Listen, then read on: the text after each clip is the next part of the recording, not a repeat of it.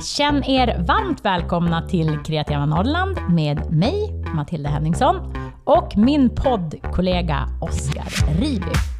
Med Kreativa Norrland så vill vi rikta ljuset på kreatörer och tillverkare från norra Sverige. Vi vill lyfta era historier för att inspirera andra, sprida kunskap om branschen och inspirera fler att våga satsa på de kreativa och kulturella branscherna. Idag så sitter vi tillsammans med personen som arbetat som VD för Iksu i över tio år, som driver eget företag och som är ordförande för Umeås äldsta förening, Umeå Hantverksförening, grundad 1847. När hon inte fyller dagarna med jobb så är det stort fokus på hundarna och stugan i Borgafjäll. Varmt välkommen till Kreativa Norrland, Margareta Eriksson Liv. Men tack! Ska vi börja och prata om stugan eller ska vi börja prata om volleyboll? Ja, ska man börja i, eh, i vad säger man, årsordning så kanske det är volleybollen. Ja, det var den som tog mig till Umeå. Var det det? Ja, Vad roligt, ju det. berätta! Det var ju det. Ja, men jag var volleybollspelare och spelade i Stockholm med ett elitserielag i Huddinge. Eh, Men hade väl tankar på att börja plugga. Och så listade jag ut, eftersom jag ju var norrlänning från början, så listade jag ut att i, i Umeå fanns det minsann ett bra volleybolllag och så fanns det ju ett universitet. Så tyckte jag att det var en bra match. Och då hamnade jag i Umeå och började spela volleyboll med Iksu. Så jag spelade med Iksu säkert i eh, ja, 14 år tror jag. I allsvenskan som det då hette och så. Det är ganska roligt att prata volleyboll ur ett svenskt perspektiv Ja. i dagsläget. Det är fantastiskt. Alltså, vilken grej. Det var ju stort när herrarna, eh, ja men eh, Iksu-herrarna tog ju SM-guld eh, och, och så. Men vi hade ju också ett svenskt herrlandslag ett tag som var, vad var det, 87 spelade de i EM och var jätteduktiga. Så vi har ju gått lite cykler, men nu känns det ju som det är verkligen drag i volleybollen. Så det värmer ett gammalt volleybollhjärta. Och jag vet att du har en, eh, ett ben kvar i volleybollen fortfarande. Jag har ju det. Jag kan ju aldrig riktigt släppa det där. Jag försöker hjälpa till i volleybollsektionen fortfarande. Så jag är aktiv i sektionen där så mycket som jag hinner. Inte så mycket som jag skulle vilja, men dock. Och jag tror att Umeå har bidragit, eller Iksu och Umeå, med beachhallen som byggdes. Alltså, vi hade inte varit på den nivå vi är i Sverige i beachvolleyboll. Ett kallt nordligt land som är så världsbra i beach. Hade ju aldrig gått om vi inte hade byggt en beachhall på Iksu. Ska vi ta stugan i Borgafjäll också? Jag vill ta den. Ja, Vad är det här för pärla? ja, det är en- en pärla, ett timmerhus som vi byggde under pandemiåren. Vi flyttade in för två och ett halvt år sedan. Så att, eh, ja, vi har alltid vistats mycket där uppe. Jag har som sagt var mina rötter från Torsjö, så jag har mycket släkt uppe i Borgafjäll. Det var mina släktingar som drev hotellet där. Jag har fortfarande mycket släktingar i Borgafjäll. Men vi har alltid hyrt. Men nu kände vi att nu är det dags att bygga. Så vi köpte en tomt uppe på Klöverbacken som det heter, vid Klöverfjällets fot på 700 meter. Och där har vi uppfört ett äkta timmerhus eh, producerat av Östanbäck timmerhus i Junsele. Det är ju också mina liksom, rötter. Wow! Ja, så det är lokala furor byggt på gammalt sätt med lindrev mellan stockarna. Och snacka om Helt ekologiskt. hantverk, alltså. det är ett hantverk. Det är så häftigt att se när man bygger timmerhus. Fantastiskt. Vi kastar oss in i en faktaruta. Fullständigt namn. Lena Margareta Eriksson Liv. Och då är Liv mitt flicknamn, så att jag är gift Eriksson. Ålder. Jag är 62 år. Hur skulle din bästa vän beskriva dig? Åh, det har hon faktiskt gjort för mig på födelsedagar och annat. Eh, Och jag blir lika förvånad varje gång. Eh, Jag tror att hon brukar... Hon säger ju alltid så jag fattar inte hur du orkar. Och du, är så, du, är så, du har så mycket energi och du är så ambitiös. Och så ser jag mig inte alls själv. Men mycket sånt tycker jag. Var är hemma för dig? Hemma är i Granskär, ute i Österfjärden där vi bor. Där bor vi ju liksom permanent. Men nu har det blivit väldigt mycket tid i Borgafjäll också. Men definitivt hemma i Granskär. Mm. Vad är kreativitet för dig? Att kunna spinna vidare på en tanke. Att inte bara stanna vid en tanke. Utan när det liksom blir någonting ännu mer av den. Eh, ja, det var ju lite flummigt sagt kanske. Men eh, för mig är det lite grann att man börjar få en idé och så är det den. Men sen helt plötsligt så är det så mycket mer. Det tycker jag är kreativt. Borra djupare liksom? Ja, och bygga på. Det tar liksom aldrig slut. Eh, ja, det tycker jag är lite kreativt. Eh, sen tycker jag att det ligger någonting i kreativiteten är ju också att, att det blir någonting av det. Att det inte bara stannar vid en tanke, för det kan ju liksom alla ha. Men eh, just de här kreativa krafterna, det faktiskt blir någonting också. 1847 Eh, det var ju verkligen inte igår. Eh, och det var ju också då året när Umeå Fabriks och Hantverksförening grundades. Det är Umeås äldsta eh, företagarförening och du är ordförande för den. Vad gör ni för någonting?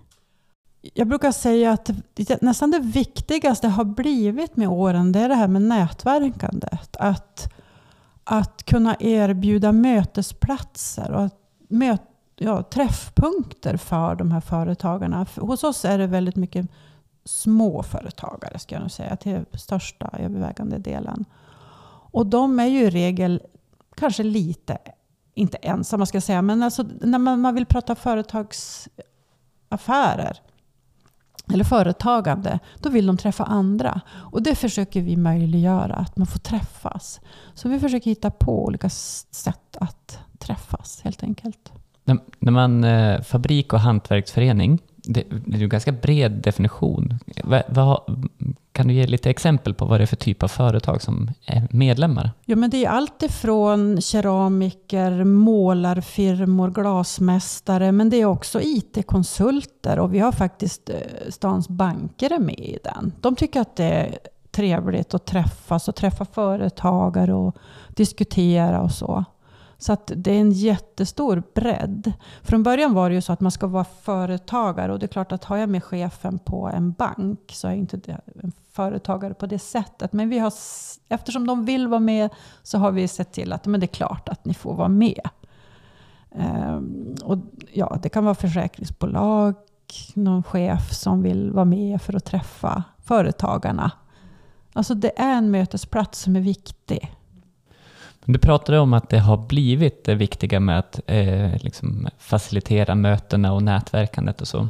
Hur har historien sett ut sedan 1847? Vad har det tagit för olika former och hur, hur har det... Nu förstår jag att du inte har varit med sedan 1847 såklart. Jag har inte riktigt varit med. Men jag tänker så... av historien, hur, hur har rollen som förening utvecklats?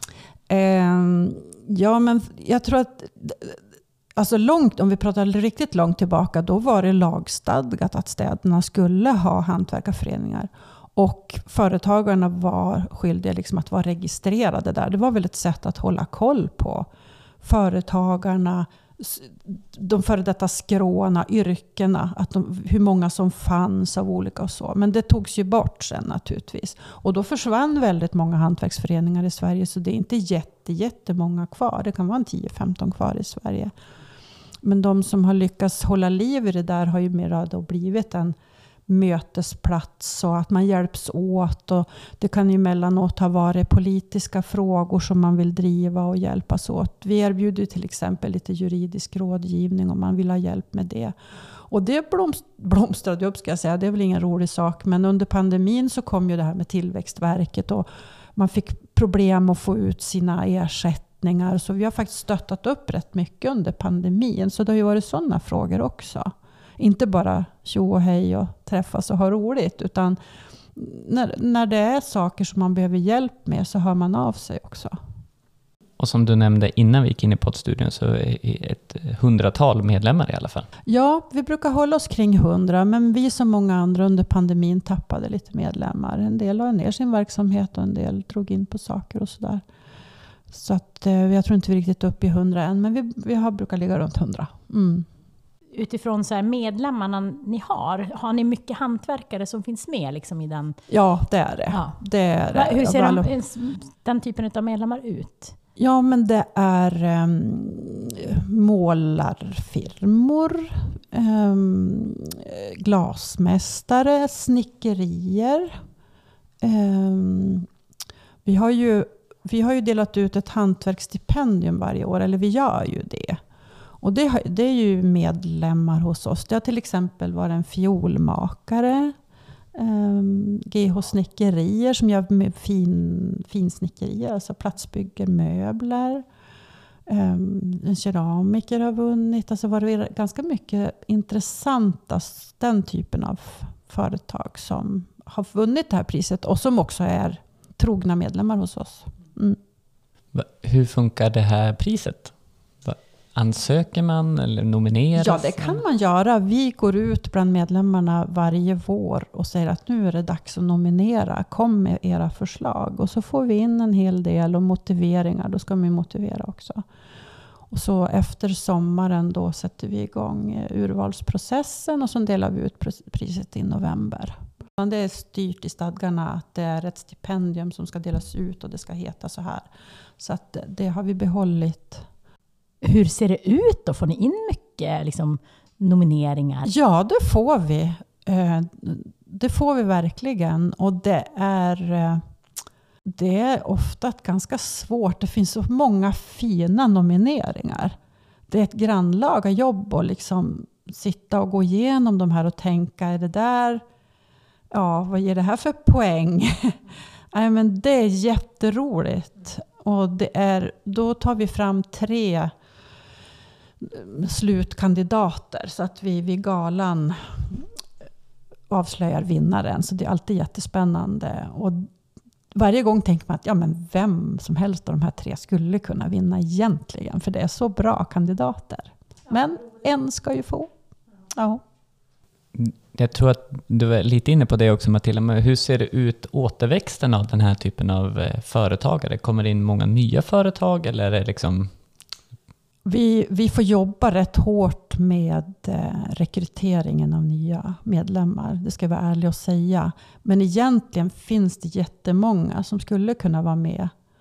Jag, jag är lite rädd att unga företagare är inte så föreningsbenägna längre. Men, ja, men de vill veta vad, varför det? Varför ska jag vara med i det här? Så vad är din pitch då? Om du vill ha en ny, ung, potentiell medlem? Ja, men att jobba tillsammans, ha en gemenskap och man kan... Eh, och jag tänker de här unga, det finns många äldre duktiga företagare här som man kan ha, använda som mentorer. Till exempel. Som har gått på alla nitar och som man kan fråga och så. Eh, ja, jag skulle tycka att det, den, det här bara gemenskapen och nätverkandet är gott nog. tänker just det här om man, om man sitter som du beskriver, att många företagen är lite yngre, eller lite mindre. Att just att få lite, eh, någonstans några kollegor nästan. Ja, men det blir lite kollegor. Och i, I vårt fall, vi är ju inte jättestor förening. Ja, det är hundra, men det är kanske inte alla hundra som ses varje månad. Så är det inte. Det kanske kommer 25-30 på våra lunchmöten. Men det blir lite familjekänsla. Att man lär känna varandra väldigt väl. Och man kan slå en signal till varandra om det är någonting man behöver fråga om eller så. Och sen även den här delen att den här typen av näringar i stor utsträckning bygger sina affärer genom att gå ihop i nätverk. Att som egenföretagare kan det vara lite svårt att ta sig an ett större projekt, men att, att ha nätverk ute i branschen och Precis. bygga dem och få visa upp sin egen kompetens och kunnande för en sån eh, Verkligen. bransch. Verkligen. Kontakter är ju aldrig dåligt att ha. Har man, har man ett rikt kontaktnät så är mycket vunnet. Jag tycker att vi ser framför oss eh, en liksom ganska stor förändring på samhällsnivå, där också, som också jackar in i den här typen av hantverksföretag. Alltså mycket att vi tittar på, eh, ja, men kanske på vårt kulturarv, vi tittar en del på, på hållbara metoder och sånt som naturligt liksom har funnits hos hantverkare. Hur man använder material och inte så mycket går till spill och den typen utav av processer. Eh, så det känns lite grann som att det liksom kommer en stor revival här för den här branschen. Ehm, vad, vad, finns det någonting som du ser eh, liksom sätt som vi skulle kunna uppmuntra det här och, och jobba med det ännu mer aktivt? Ehm, ja, men vi, vi propagerar ju alltid för att man ska ta kontakt med varandra i föreningen och nyttja varandras kompetens. Lite grann det du var inne på Oskar. Men just det här lokala. Att vi har ju så mycket lokala resurser. Vi behöver inte hämta det i Europa eller i Norden i övrigt. Utan vi har ju det här i Umeå, i Norrland, i regionen. Finns det ju så otroligt mycket. Och det är som du säger, det är ju, det, här, det är ju jätteinne. Det har ju verkligen kommit och det är ju så roligt att det är på det sättet. Varför har vi inte sett det här förut? Och det finns fantastiska resurser i vår region. Så ja, det, men det, och, och det tror jag många har upptäckt nu. Att vi liksom, ja men vi reser inte lika mycket utan vi håller oss här hemma och vi tittar runt omkring oss istället. Vad finns det här? Vad är det viktigaste tror du för att vi ska liksom fortsätta och bibehålla den trenden att vi kommer, vi tittar mer lokalt och vad är det som, som stimulerar den här liksom konsumtionen eller produktionen i, i närområdet? Ja, men miljöfrågorna rent generellt är ju så aktualiserade. Så att det, det, är ju så självklart nu för tiden att, att titta lokalt och använda hållbara material och så. Och det hoppas jag inte bara är en, en fluga som det, det, det har ju alltid dykt upp eh, mellan varven genom åren så har det kommit upp liksom miljö så. Men nu är det på något sätt här för att stanna. Det är så man tänker. Jag tror inte att vi kommer gå tillbaka till något slit och släng och så. Utan bygger man idag till exempel så försöker man hitta hållbara material och man undviker plaster. och ja, det, det känns som att så är det bara nu. Det, det går inte något annat. kan man utifrån er roll som eh, att driva de här politiska frågorna för de här näringarna, vad, vad kan ni göra för att främja det här ytterligare? Ja, samarbetet naturligtvis företagarna emellan. Eh, just i upphandlingsfrågor och sådana bitar har vi varit, ofta varit behjälpliga. Där vi har ställt oss frågande till varför har man inte valt en lokal leverantör när det finns? Utan kanske vänt sig till eh, leverantörer långt ifrån. Eller i uppköp långt ifrån. Varför då? När vi har det här. Så där har vi varit drivande och försökt påverka i olika processer. Eh, Umeå fabrik och så hantverksförening finns ju i nationell kontext. Ska, kan du berätta lite grann om den? Ja, det finns, eh, det finns någonting som heter Hantverkarna Riks som man som lokal förening då kan vara medlem hos.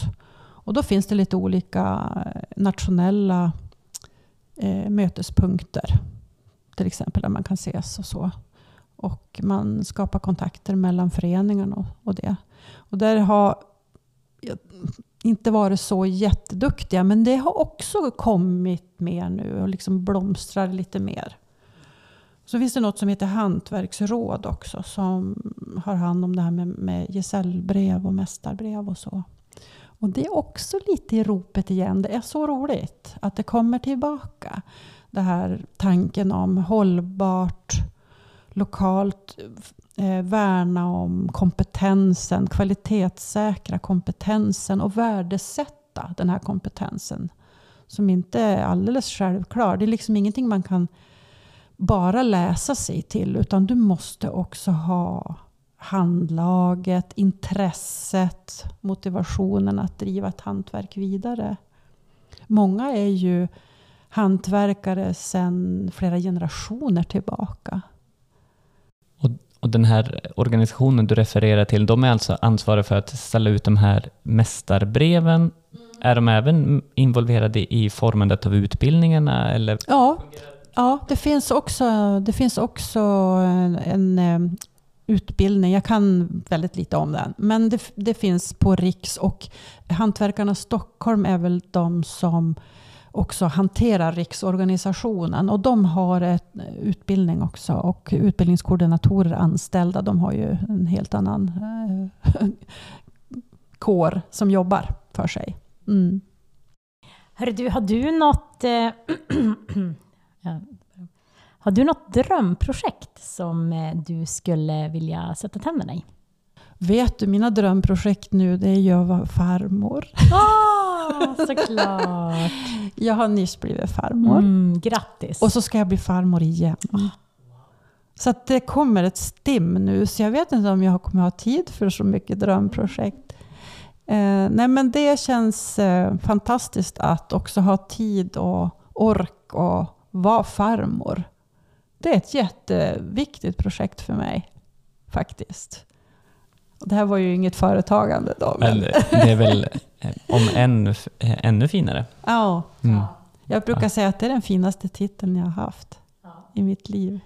Men det, det är viktigt att fundera över hur man vill eh, disponera sin tid. Och det är klart att det man är lyckligt lottad om man kan styra över det själv. Så det är väl mitt projekt, att, att se till att jag kan styra över min tid och lägga det på saker som är viktigt. Jag har jobbat väldigt mycket i mina dagar. Jag har nästan aldrig, varit, jag har aldrig jobbat deltid och jag har tre barn. Och jag har ehm, eh, knappt varit barnledig, jag på att säga. Jag tror jag har varit barnledig sex månader med varje barn. Så jag jobbar väldigt, väldigt mycket. Så det har varit mitt projekt att tänka att nej, men nu när jag då får barnbarn och allt det här så ska jag se till att jag faktiskt kan vara närvarande. Härligt. Nej, men också tänker jag, vad jag förstår, engagerar dig väldigt mycket ideellt. Alltså det ska ju inte Ja. att förringa, det tar ju också Nej, det, är icke-arvoderade också- arbetet på något vis. liksom. Exakt, det har också varit en, en plan med allt det här. Att eh, också kunna vara behjälplig volontärt. Så jag har jobbat en, ganska mycket volontärt sista året, två åren. Är engagerad i Ukraina, flyktingar som har kommit hit. Och det känns fint att kunna göra saker som jag aldrig haft tid med. Alltså. Det är en ynnest. Gud vad fint. Margareta Eriksson Liv, stort tack för att du gästade Kreativa Norrland. Ja, men tack så mycket.